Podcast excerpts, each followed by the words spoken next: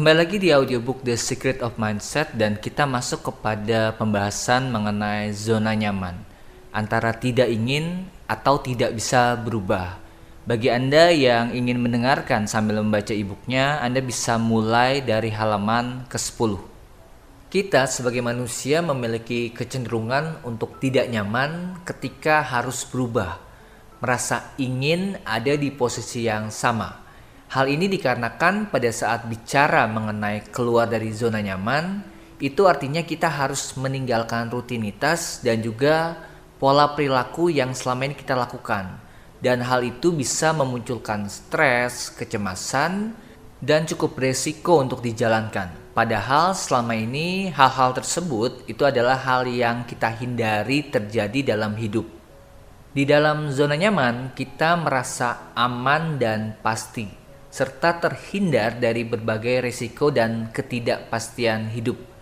Bahkan di salah satu teori yang dipublikasikan di The New York Times mengatakan bahwa zona nyaman didefinisikan sebagai keadaan suhu yang paling nyaman untuk tubuh kita. Jadi berkisar antara 20 sampai dengan 25 derajat di mana kita tidak merasakan panas ataupun dingin yang berlebihan dan saat itulah tubuh kita merasa nyaman. Jadi kita betah di satu ruangan atau di satu tempat. Nah, itu zona nyaman.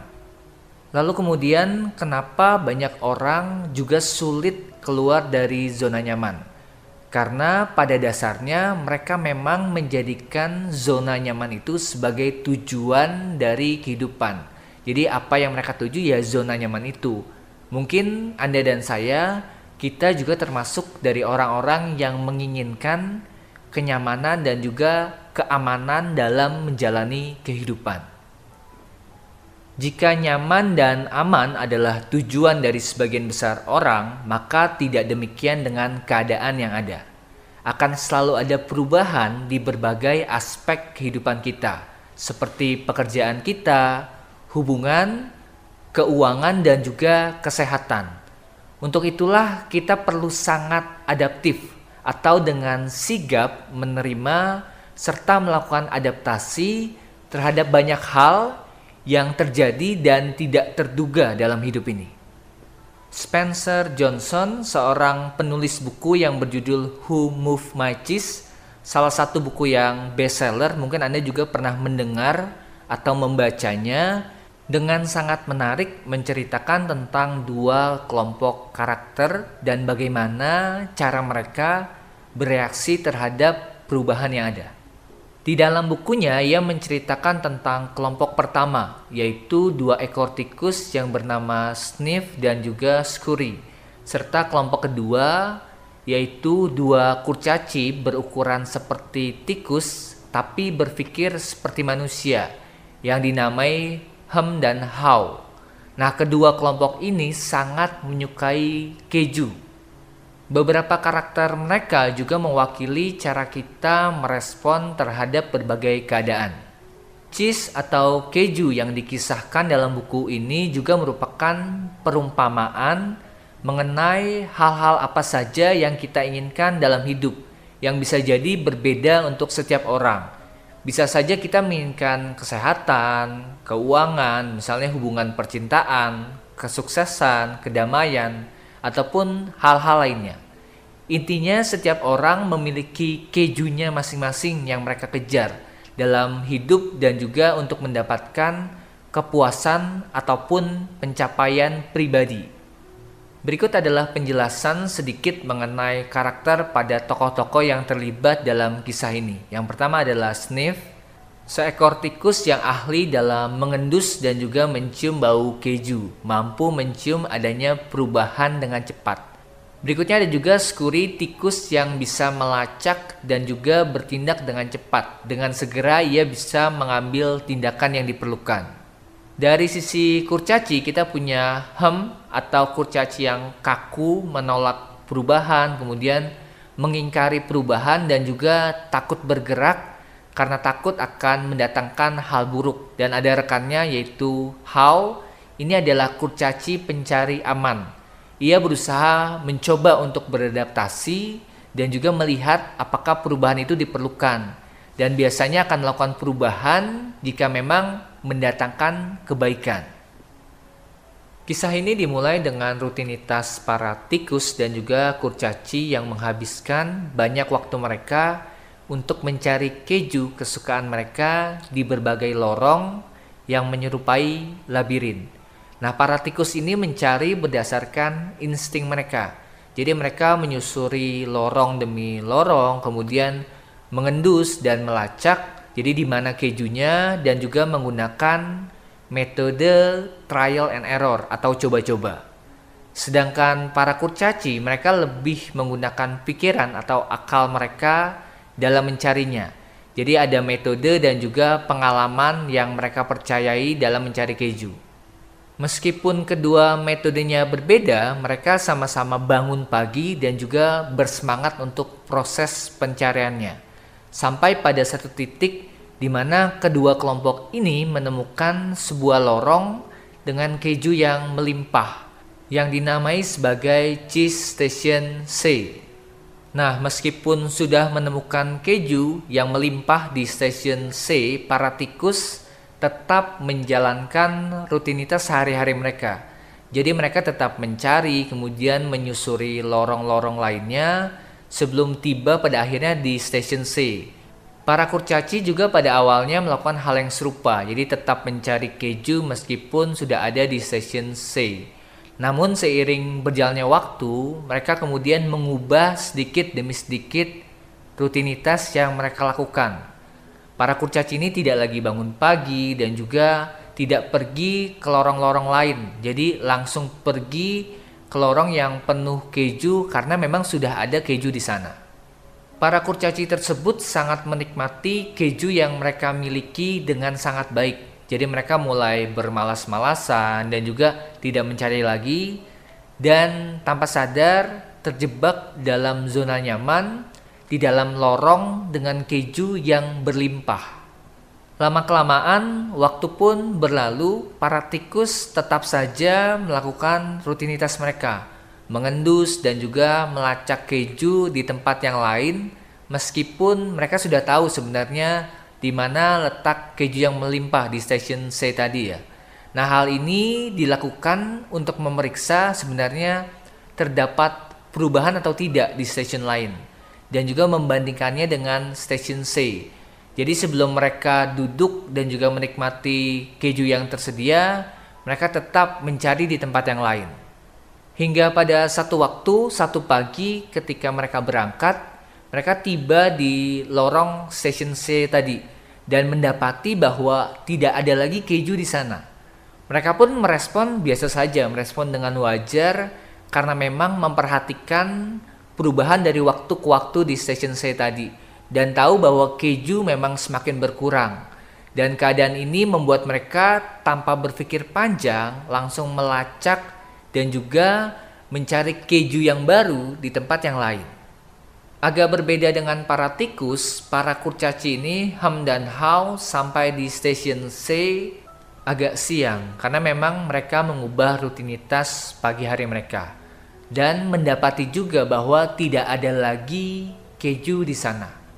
Berbeda dengan para tikus, para kurcaci ini belum siap menghadapi kenyataan yang ada. Mereka kemudian berteriak-teriak, menyalahkan keadaan, dan juga bertanya-tanya siapa yang memindahkan keju yang melimpah di sana. Padahal setiap harinya mereka yang menikmati keju sampai akhirnya stoknya berkurang dari waktu ke waktu. Sementara para tikus terus bergerak dan juga melacak serta berusaha menemukan persediaan yang baru, nah para kurcaci ini malah buang waktu mereka untuk mengomel kemudian menjadi tidak produktif dengan cara mengeluhkan keadaan. Bahkan di keesokan harinya para kurcaci ini kembali lagi ke lorong station C yang sudah kosong dan berharap ada keju lagi di sana tanpa melakukan pencarian yang baru. Jadi mereka berharap keadaan akan berubah dengan sendirinya lebih baik tanpa mereka mau melakukan perubahan. Singkat cerita, setelah berhari-hari dalam penyesalan dan keadaan yang tidak pasti, salah seorang kurcaci, Hao, mulai menyadari hal tersebut dan berkeinginan untuk untuk mengikuti jejak para tikus dalam mencari keju. Jadi ia mulai mengajak Hem rekannya untuk pergi bersama dengannya. Tapi Hem tidak suka tempat yang baru. Dia lebih suka tempat yang lama. Karena tempat yang lama membuatnya nyaman. Ia bahkan berkata bahwa terlalu lelah dan terlalu tua dan takut tersesat dalam pencarian baru tersebut. How pada akhirnya sadar dan juga mulai menertawakan dirinya sendiri karena terus-menerus melakukan hal yang sama berhari-hari namun mengharapkan hasil yang berbeda. Ia menertawakan kebodohan dan juga ketakutannya dan mulai melakukan pencarian. Sementara rekannya, Hem, masih berdiam diri di keadaan yang sama. Kisah ini dilanjutkan dengan perjalanan How dalam perjalanan menemukan lorong dengan keju yang baru. Ia mendapatkan banyak pelajaran bahkan sebelum menemukan tujuannya. Jadi dalam prosesnya ia bisa belajar banyak hal. Satu demi satu lorong ia telusuri dan tidak menemukan apa-apa di sana. Ia merasa cemas dan juga takut dalam perubahan ketika proses perubahan itu terjadi. Salah satu pelajaran yang didapatkan oleh How adalah bahwa keju di stasiun C sebenarnya tidak menghilang atau dipindahkan begitu saja. Tapi jumlahnya terus berkurang dan semakin tidak layak untuk dimakan. Ia tidak memperhatikan semua keadaan itu. Ia pun sadar bahwa sebenarnya perubahan tidak semenakutkan dan juga mengagetkan. Jika saja ia bisa mengantisipasi dan juga beradaptasi dengan keadaan yang ada. Di beberapa lorong yang ia telusuri, ia juga menemukan sedikit demi sedikit keju yang membuatnya tetap bertahan dan juga semangat dalam perjalanannya. Dan pada akhirnya karena tidak menyerah dan terus mencari, singkat cerita, ia tiba di Cheese Station N, tempat di mana ada keju yang juga melimpah dan di sana juga sudah ada para tikus. Sniff dan Scurry juga sudah terlebih dahulu sampai dan menikmati keju yang ada di sana. Para tikus memang tidak secerdas para kurcaci, namun mereka bisa beradaptasi dengan baik. Mereka bisa melihat situasi yang perlu berubah dari waktu ke waktu dan juga peka terhadap keadaan. Lebih banyak melakukan aksi daripada mengeluh dan juga menyalahkan keadaan. How adalah kurcaci yang kemudian turut serta dalam perubahan dan coba mengajak rekannya untuk beradaptasi dan juga memperluas zona nyaman mereka. Namun karena kepercayaan atau belief system yang sudah menolak perubahan, maka sulit perubahan itu terjadi. Karena perubahan itu yang perlu kita perhatikan adalah tentang diri kita sendiri, bukan ajakan dari orang lain, bahkan rekan atau orang terdekat. Dari kisah yang sudah disampaikan, Anda bisa membaca kembali kisahnya dalam buku Who Moved My Cheese. Kita perlu menanyakan kepada diri kita sendiri, siapakah tokoh yang bisa mewakili diri kita? Tikus yang siap untuk perubahan, kurcaci yang peragu namun akhirnya dipaksa berubah oleh keadaan yang ada, atau kurcaci terakhir yang masih di tempat yang sama tapi mengharapkan sesuatu akan kembali baik tanpa harus melakukan apa-apa. Zona nyaman bisa jadi adalah tempat yang sulit untuk ditinggalkan oleh siapa pun, termasuk Anda dan saya. Oleh karena itulah, kita perlu memperluasnya dari waktu ke waktu. Jadi, kita perlu mengantisipasi setiap kemungkinan dan juga perubahan yang ada dengan belajar untuk tetap melakukan hal yang terbaik meskipun keadaannya sudah terlihat baik. Jadi jangan berhenti melakukan sesuatu ketika kita sudah nyaman dengan keadaan. Ingatlah untuk tidak terlena dan juga hanyut dalam keadaan yang kita anggap paling baik ataupun paling ideal. Perubahan akan selalu datang meskipun tidak diharapkan sekalipun. Dan ketika kita sudah siap menerimanya, maka kita bisa menyambut setiap perubahan dengan rasa syukur bukan lagi menyalahkan keadaan ataupun orang lain.